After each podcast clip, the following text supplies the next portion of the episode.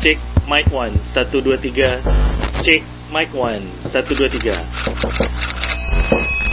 Bicara Bincang agama, raih pahala agama, raih pahala. Ya. Bismillah, Assalamualaikum warahmatullahi wabarakatuh. Alhamdulillah, wassalatu wassalamu ala rasulillah. Pemirsa Asia TV di mana pun Anda berada, kembali lagi bersama kami di program Bicara, Bincang Agama, Raih Pahala. Dan tentunya program Bicara ini adanya di Asia TV, saluran dakwah keluarga islami. Dan seperti biasa, Bicara akan membahas masalah-masalah yang mungkin sedang hangat terjadi di sekitar kita ataupun sedang terjadi di kita. Dan biasanya masalah itu kita akan minta tinjauannya atau pandangannya dari sisi syariat. Tentu saja yang memberikan pandangan itu adalah guru kita, ustadz-ustadz kita. Dan Alhamdulillah seperti biasa sudah hadir bersama kita guru kita Ustadz Abu Saif Hafizullah Ta'ala. Assalamualaikum Ustadz. Waalaikumsalam. Masya Allah. Apa kabar Ustadz? Sehat Ustadz? Alhamdulillah. sehat. Ya, dan karena Ustadz sudah hadir langsung kita tanya nih Ustadz. Ini ada salah satu eh, fenomena yang meresahkan bisa dibilang Ustadz. Jadi begini Ustadz. Saat ini eh, karena maraknya teknologi dan informasi yang begitu cepat sehingga banyak eh, apa namanya komunikasi-komunikasi atau bahasa-bahasa yang bahkan kita tidak tahu maknanya gitu, tapi diucapkan. Sampai akhirnya ketika tahu maknanya ternyata itu adalah perkataan yang buruk, ya perkataan buruk. Atau bahkan itu bisa dibilang itu cacian gitu. Karena itu me- me- memaki atau mencaci seseorang. Tapi karena dengan dengan pesatnya teknologi informasi itu bahkan sekarang kata cacian yang artinya cacian tapi dianggap malah jadi pujian. Gitu Ustaz. Nah, fenomena ini sebanyak sekali terjadi di anak muda bahkan yang sudah sudah apa ya beranjak dewasa. Nah, untuk masalah seperti ini Ustaz. Nah, syariat memandangnya seperti apa untuk uh, omongan-omongan atau memberikan lakop-lakop buruk lah, panggilan-panggilan buruk kepada sesama muslim ataupun ke orang lain. Mungkin Ustaz bisa memberikan penjelasannya kepada kita. Tafadhol Ustaz. Baik. Bismillahirrahmanirrahim. Alhamdulillah. Alhamdulillahi Rabbil Alamin. Wassalatu wassalamu ala nabiyyina al-mursalin wa ala alihi wa sahbihi ajma'in amma ba'd. Kaum muslimin, pemirsa Rasya TV rahimani wa rahimakumullah jami'an di mana pun anda berada. Semoga Allah subhanahu wa ta'ala jadikan kita hamba-hambanya yang senantiasa bersyukur atas segala nikmat yang Allah Ta'ala berikan kepada kita. Nikmat-nikmat yang begitu banyak, sehingga tiada satupun dari makhluk sanggup untuk menghitung berapa nikmat yang sudah Allah Ta'ala berikan kepada kita. Dan di antara nikmat yang Allah Ta'ala berikan kepada kita adalah nikmat lisan. Nikmat kita diberikan kesempatan untuk bisa berbicara, mengungkapkan apa yang ada dalam hati kita, mengungkapkan apa yang kita rasakan kepada orang lain sehingga hal itu tersampaikan dan kepada orang lain dan kita mendapatkan respon seperti yang kita harapkan. Ini adalah nikmat besar dari Allah Subhanahu wa taala. Lihat kepada orang-orang yang kemudian Allah taala jadikan tidak bisa berbicara. Sehingga kesulitan hanya untuk mengungkapkan satu dua hal saja mereka membutuhkan daya upaya yang sangat banyak. Dan kita yang diberikan lisan, Alhamdulillah. Begitu mudah, hanya dengan satu dua kata saja kita ucapkan, orang lain sudah faham apa yang kita inginkan. Maka nikmat Allah subhanahu wa ta'ala ini mari kita syukuri dengan baik. Di mana jika kita bersyukur atas nikmat-nikmat Allah ta'ala, nikmat ini akan Allah ta'ala tambahi. Lisan ini akan Allah ta'ala berkahi. Dan kebaikan-kebaikan akan banyak muncul dari lisan kita. Maka kaum muslimin rahimani wa rahimakumullah jami'an. Rasulullah sallallahu alaihi wasallam bersabda dalam hadis yang disahihkan oleh Imam Bukhari. Beliau sallallahu alaihi wasallam mengatakan, "Man yatman li ma baina lihyaihi wa ma baina fakhidaihi dakhala al-jannah." Siapa yang mau menjaminkan apa yang ada di antara dua janggutnya. Ya, maksudnya antara janggut dan kumis. Itulah mulut ya, atau lisan maksudnya. Dan menjaminkan apa yang ada di antara dua pahanya atau dua kakinya. Itulah kemaluannya. Atman lahul jannah. Kata Rasulullah SAW, aku jamin orang itu masuk surga. Maka siapa pun yang bisa menjamin apa pun yang keluar dari lisannya dan dia bisa menjamin kemaluannya hanya kepada yang perkara-perkara Allah Ta'ala halalkan, Rasulullah SAW jamin dia masuk surga. Sepertinya mudah ya, dia sepertinya mudah. Sepertinya.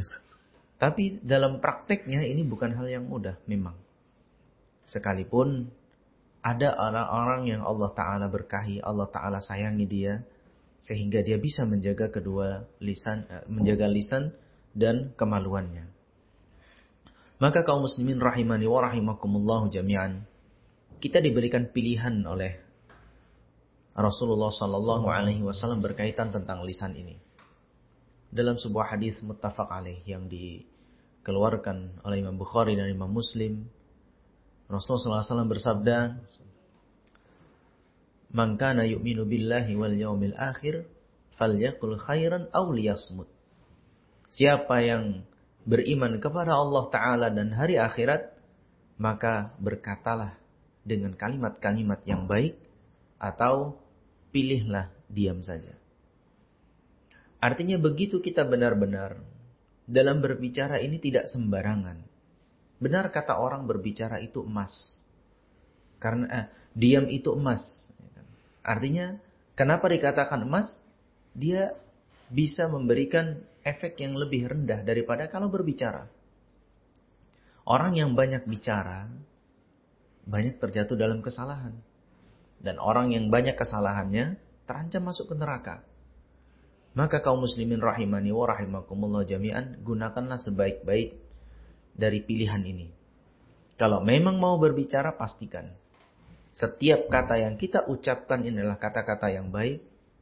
Sebagaimana Allah subhanahu wa ta'ala berfirman, Ma yalfidhu min qawlin illa ladaihi raqibun atid. Dalam surat Al-Hujurat. Tidaklah seorang mengucapkan satu kata pun, kecuali ada raqib dan atid yang siap untuk mencatat semua yang ia katakan. Dan lihat peringatan Rasulullah SAW yang disampaikan oleh Muad bin Jabal radhiyallahu anhu. Beliau menanyakan tentang wahai Rasulullah SAW. Apakah orang akan dimintai pertanggungjawaban dari setiap kata yang dia ucapkan, segitu banyak kalimat yang dia ucapkan seumur hidupnya, apakah semua itu akan dipertanggungjawabkan? Maka Rasulullah SAW memberikan jawaban, Bukankah ada orang-orang yang Allah Ta'ala campakkan dia? Allah Ta'ala campakkan wajahnya ke neraka hanya dikarenakan ketergelinciran lisannya. Ya. Ucapan yang ringan. Ucapan yang dia sangka itu hal-hal yang biasa saja, namun ternyata penilaian Allah Subhanahu wa taala itu adalah kedurhakaan. Itu adalah hal yang besar. Itu mengakibatkan orang yang terancam ke dalam neraka. Maka kaum muslimin rahimani wa rahimakumullah jami'an. Karakter seorang muslim ya sebagaimana yang disebutkan oleh Rasulullah SAW adalah sosok yang senantiasa menjaga lisannya. Sehingga dengannya orang-orang yang ada di sekitarnya terjaga.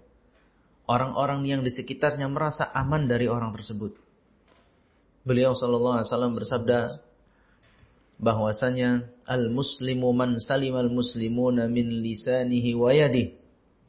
Seorang muslim yang dikatakan beragama Islam, yang dikatakan menyerahkan diri kepada Allah Subhanahu wa taala adalah orang yang menjadikan kaum muslimin di sekitarnya merasa aman dari lisan dan juga tangannya.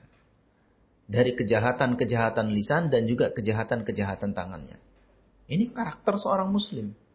Ini karakter orang-orang yang mendapatkan didikan dari Allah Subhanahu wa taala. Mengambil pelajaran dari Al-Qur'an, dari hadis-hadis Rasulullah sallallahu alaihi wasallam. Maka menjadilah muslim yang berkarakter dengan menjaga orang lain dari lisan dan tangannya. Kemudian kaum muslimin rahimani wa rahimakumullah jami'an. Berkaitan juga tadi dengan hal itu adalah fenomena sekarang yang banyak orang begitu ringan mengucapkan kata-kata yang kalau ditanya mungkin dia tidak tahu artinya.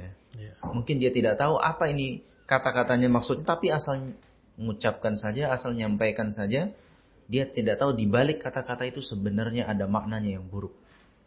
Ini hati-hati. Ya.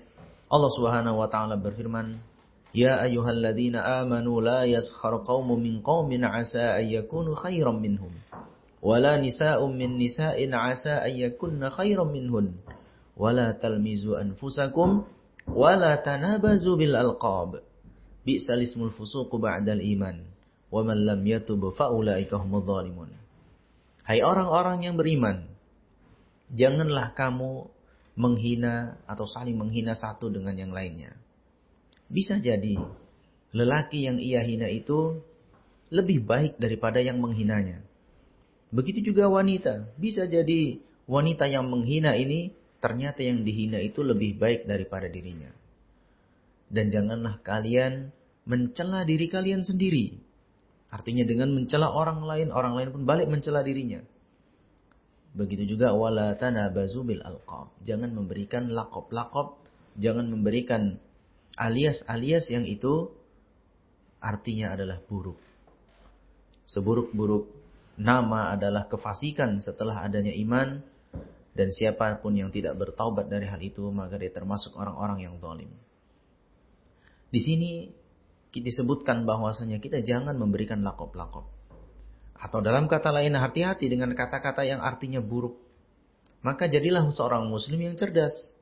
Jadi seorang muslim yang bukan hanya asal bicara saja. Jangan menjadi asal apa yang ingin dia katakan dikatakan begitu saja. Karena semua itu akan ada pertanggungjawabannya di sisi Allah Subhanahu wa taala. Bukankah kita juga sering mendengarkan sabda Rasulullah sallallahu alaihi wasallam yang menyatakan tentang orang muflis, orang-orang yang bangkrut. Rasulullah SAW pernah bertanya kepada para sahabat, manil muflis, siapakah orang yang bangkrut? Para sahabat menjawab bahwasanya yang bangkrut itu adalah orang-orang yang kehabisan harta bendanya, kehabisan modalnya. Tapi itu yang bu bukan itu yang dimaksudkan oleh Rasulullah SAW. Yang dimaksudkan oleh beliau adalah orang-orang yang nanti dibangkitkan di padang mahsyar, dihadapkan kepada Allah Subhanahu wa taala membawa pahala solatnya, membawa pahala puasanya, membawa pahala sedekahnya, tilawahnya, zikirnya, semua ibadah-ibadah yang ia lakukan diperlihatkan oleh Allah Subhanahu wa taala bagaimana besar pahala yang ia terima. Namun ternyata di sisi lain ya, syatama hadza, dia memukul si fulan, dia menghina si fulan, dia menjuluki si fulan dengan julukan yang buruk, dia mengucapkan kata-kata yang ia anggap ringan, ternyata itu menyakiti orang lain. Ternyata itu menghina orang lain. Sehingga semua orang yang ia zalimi akan berkumpul. Semua orang-orang yang pernah ia sakiti akan berkumpul. Mengadu kepada Allah Ta'ala, Ya Allah si fulan sudah menghina aku dengan kalimat-kalimatnya. Ya Allah, si fulan sudah melakukan ini dan itu kepada diriku. Menghancurkan kehormatanku. Menghinakan diriku kepada orang lain maka pahalanya satu persatu akan diberikan kepada mereka. Pahala sholatnya, pahala puasanya, zakatnya, infaknya, baca Qur'annya, semua. Satu persatu akan dibagikan kepada mereka orang-orang yang terzolimi sampai mereka memaafkan dirinya. Dan kalau pahalanya sudah habis, giliran masih ada lagi orang yang dizolimi, maka dosa-dosa mereka akan dikumpulkan, diberikan kepada orang tersebut. Inilah hakikat orang-orang yang muflis. Yang akan rugi serugi-ruginya. Yang ia akan sesali sedalam-dalamnya. Bagaimana tidak menyesal? Dia melihat begitu besar amal yang ia lakukan, pahala yang Allah Ta'ala tunjukkan begitu besar. Ia merasa tinggal selangkah lagi menuju surga. Seolah-olah surga sudah diambang mata, tapi ternyata semua itu sia-sia belaka. Lenyap semua yang muncul hanyalah kegelapan. Ternyata di hadapan adalah neraka yang siap untuk menyiksanya. Dikarenakan apa? Salah satunya ketergelinciran lisan. Gara-gara tidak pandai menggunakan lisan. Dan di zaman saat ini kaum muslimin rahimani wa rahimakumullah jami'an yang dimaknai lisan bukan hanya yang berbicara ini saja. Hari ini kita bisa berbicara dengan ujung jari kita. Kita bisa berbicara di dunia maya tanpa suara. Tapi itu diibarahkan seperti berbicara. Ini juga akan dihisap oleh Allah Ta'ala hati-hati. Anda menuliskan sesuatu, Anda mengatakan sesuatu di dunia maya, yang itu merendahkan orang lain, menjelek-jelekkan orang lain, menjatuhkan martabat orang lain, hati-hati. Kalikan dosa Anda itu dengan berapa banyak orang yang membaca kata-kata tersebut. Tak bisa dibayangkan. Makanya sebelum semua itu menjadi kegelapan yang nyata, berhati-hatilah sekarang. Kul khairan awliyasmut. Katakanlah yang baik-baik saja. Di dunia nyata bertemu orang. Ya kan? Kemudian bertetut sapa dengan orang lain. Gunakanlah dengan kata-kata yang baik. Di dunia maya ingin berinteraksi dengan media sosial dan lain sebagainya. Gunakanlah kalimat-kalimat yang baik. Tujuannya agar tidak kemudian hari kita sesali semua itu. Semoga dengannya kita menghadap Allah Ta'ala mudah nanti hisap kita. Diringankan oleh Allah Ta'ala hisap-hisap kita karena tidak menzolimi orang lain. Ya demikian inilah harapannya kaum muslimin rahimani wa rahimakumullah jami'an. Semoga kita dijadikan orang-orang yang pandai mensyukuri nikmat lisan ini dan senantiasa menjaga apa pun yang keluar dari lisan kita bukan lain hanyalah kebaikan dan kebaikan. Mudah-mudahan demikian. Qouli hadza wa astaghfirullah li wa lakum innahu huwal ghafurur rahim. Masya Allah, jazakallah ya Ustaz. Baik pemirsa Asyad TV di mana pun Anda berada, dan demikian, Baik sudah program bicara kita kali ini, Bincang Agama, Hari Pahala. Dan kita tutup dengan doa kafatul majlis. Subhanakallahumma bihamdik. Syadu la ilaha illa anta. Assalamualaikum warahmatullahi wabarakatuh.